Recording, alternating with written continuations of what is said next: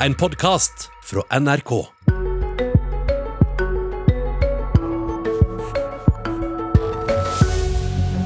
Det var året da koronaen ikke forsvant likevel. Året da pandemien gjennomsyra alle politiske saker, enten vi snakker om skole eller helse eller arbeidsplasser eller økonomi. 2021 ble også året for mannskapsbytte, og det året da bildet av de rene og ranke norske politikerne fikk noen flere flekker på seg. Velkommen til en oppsummering av ett politisk år og mange politiske kvarter. 560 gjester har vi hatt innom Politisk kvarter i året som har gått. Og det inkluderer de tre jeg har invitert med inn i dag. Velkommen Trine Eilertsen, sjefredaktør i Aftenposten. God morgen. Velkommen til deg, Siv Sandvik, politisk redaktør i Adresseavisa. God morgen. Og mannen som egentlig har vært her aller mest, Lars Nehru Sand, politisk kommentator her i NRK. God jul. Nå skal vi eh, ikke kåre deg til årets gjest, for du er jo egentlig ikke gjest siden du jobber i NRK, men det skal vi gjøre litt senere i sendingen. Nå skal vi først eh, begynne denne oppsummeringen av det vi har snakka om. For dette er også en slags politisk eh, selvangivelse i Politisk kvarter. Og det er jo ingen hemmelighet eh, hva vi har snakka mest om, da. La oss få et gjenhør. Jeg har aldri trodd jeg skulle mene noe om hvor mange gjester man bør ha i sitt eget hjem på julaften. Nå er et stort flertall av befolkningen fullvaksinert og godt beskytta. Det betyr at vi endelig kan legge bort meteren. Kanskje er det sånn at jeg har trodd jeg kunne reglene, og derfor ikke sjekket de. Og derfor eh, har det ikke blitt godt nok. Mitt hovedbudskap i dag er at pandemien ikke er over. Den er kommet over i en ny fase.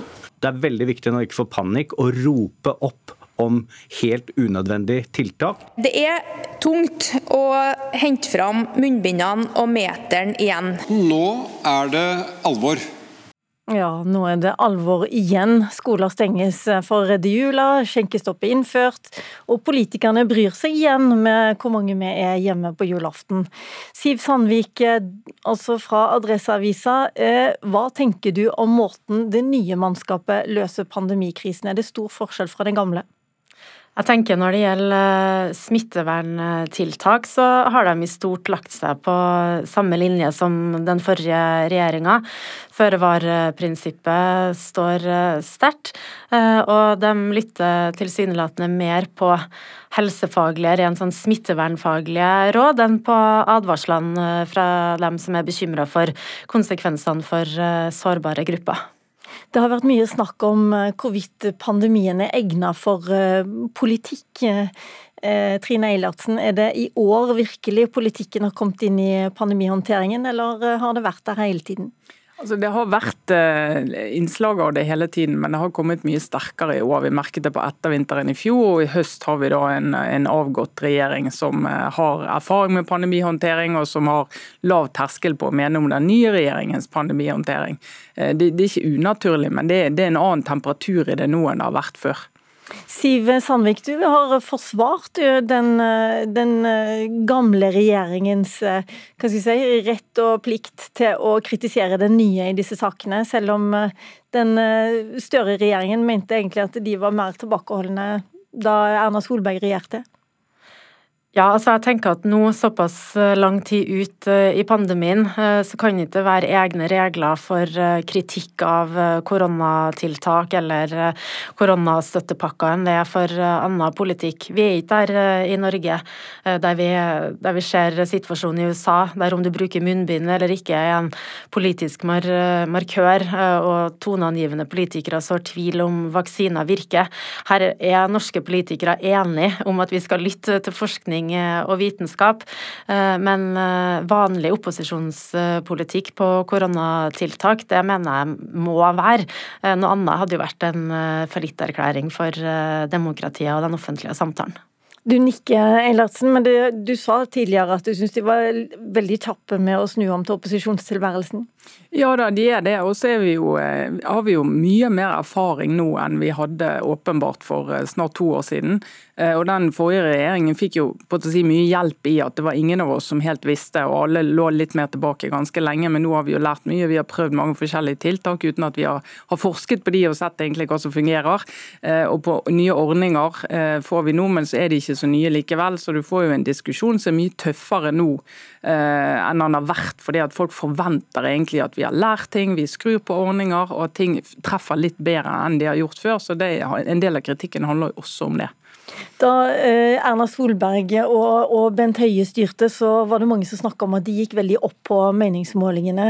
Det gjør de egentlig fortsatt eh, når, eh, når Støre styrer og Kjerkol, Lars Nehru Sand er det først og fremst pandemihåndteringen som gjør at det går såpass dårlig med Arbeiderpartiet og den regjeringen på meningsmålingene nå?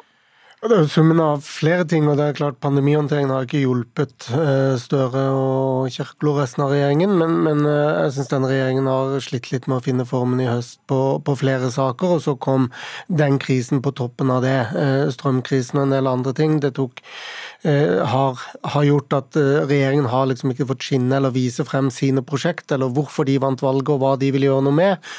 Og det håper de nok å få bruke mye mer tid på, på til neste år.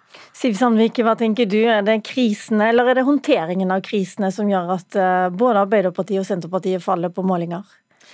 Jeg syns det er vanskelig å si uh, det ene eller det andre. Det er nok uh, en blanding. Uh, jeg vet jo at når jeg snakker med folk i regjeringspartiene, så er deres forklaring i hvert fall knytta sterkt opp til krisene, og at de har fått to store utfordrende saker i fanget. Koronasmitten og strømprisene.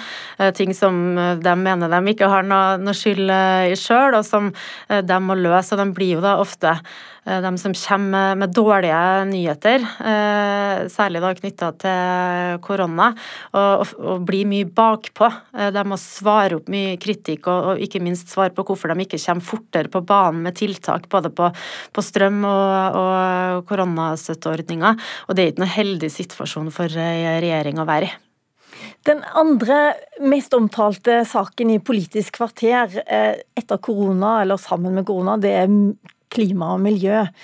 Vi trodde jo det skulle bli en hovedsak i valgkampen, og at eh, MDG og SV skulle gjøre brakvalg fordi det var så mye snakk om klima og miljø, men det skjedde jo ikke. Eh, SV valgte ikke å gå inn i regjering, og det var en av høstens store saker. Eilertsen, du har vært imponert over eh, måten SV har håndtert dette på?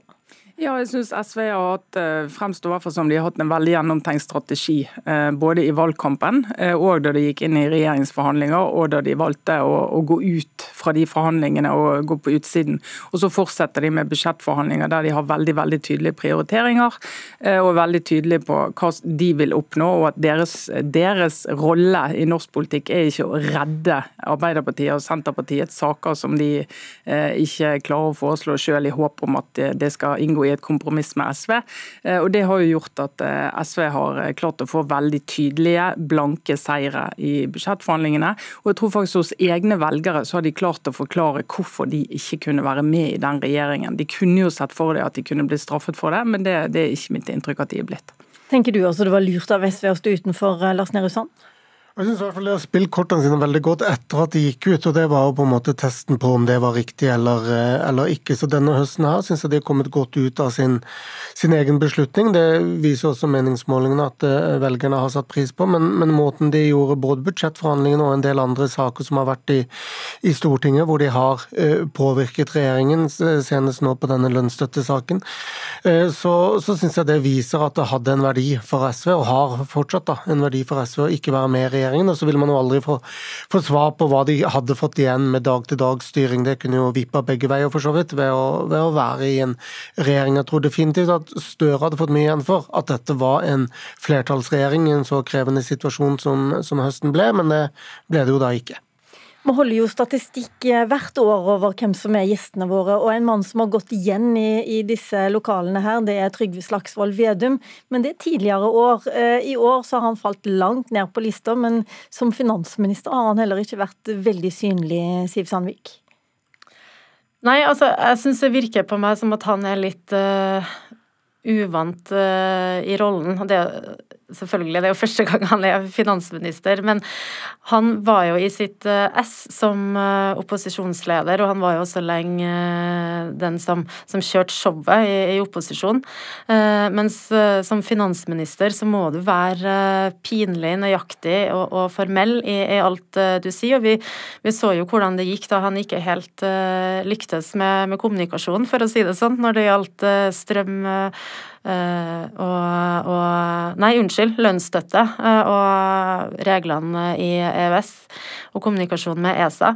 Sånn at eh, jeg tror han kommer til å, å trenge litt tid på å finne formen, rett og slett. Vi har hatt en slags avstemning på Twitter hvem folk tror var her mest i året som gikk, og ingen svarte egentlig riktig, så vidt jeg har fått med meg. Rette, det rette svaret på det var Sylvi Listhaug. Fremskrittspartilederen har altså vært i Politisk kvarter 15 ganger. Og det er bl.a. fordi hun har snakket om veldig mye forskjellig, alt fra gratis ferjer til Syriabarn, korona, klima og stortingspresidenten som måtte gå. Sylvi Listhaug har vel også eh, jobba hardt for å bli en markant opposisjonspolitiker, Eilertsen? Ja da, og Hun eh, overtok jo i en periode der Frp lå langt langt, langt eh, nede på målingene. Og kom inn i i en valgkamp der hun fikk et bedre resultat tror jeg, enn mange fryktet. Men så har det jo ikke skjedd så veldig mye etter det. Eh, men hun er jo veldig på. Eh, fortrenger helt at partiet har vært i regjering og ansvarlig for mye som har skjedd de siste åtte årene. Eh, og er en av de mest sånn aggressive og mest på i opposisjon mot regjeringen, og ikke minst mot Senterpartiet, som du merker at Frp særlig skal utfordre. Og Det er nok en av grunnene til at Senterpartiet også strever litt nå, for det er vanskelig å svare på en del av de utfordringene. I hvert fall med samme tydelige språk som Sylvi Listhaug eh, kjører. da. Men de som ble mest belønna på meningsmålingene, det er Høyre, Lars Nehru Sand. Det virker ikke som om eh, Høyre har tapt noe særlig på å gå ut av regjering, i hvert fall ikke i oppslutning.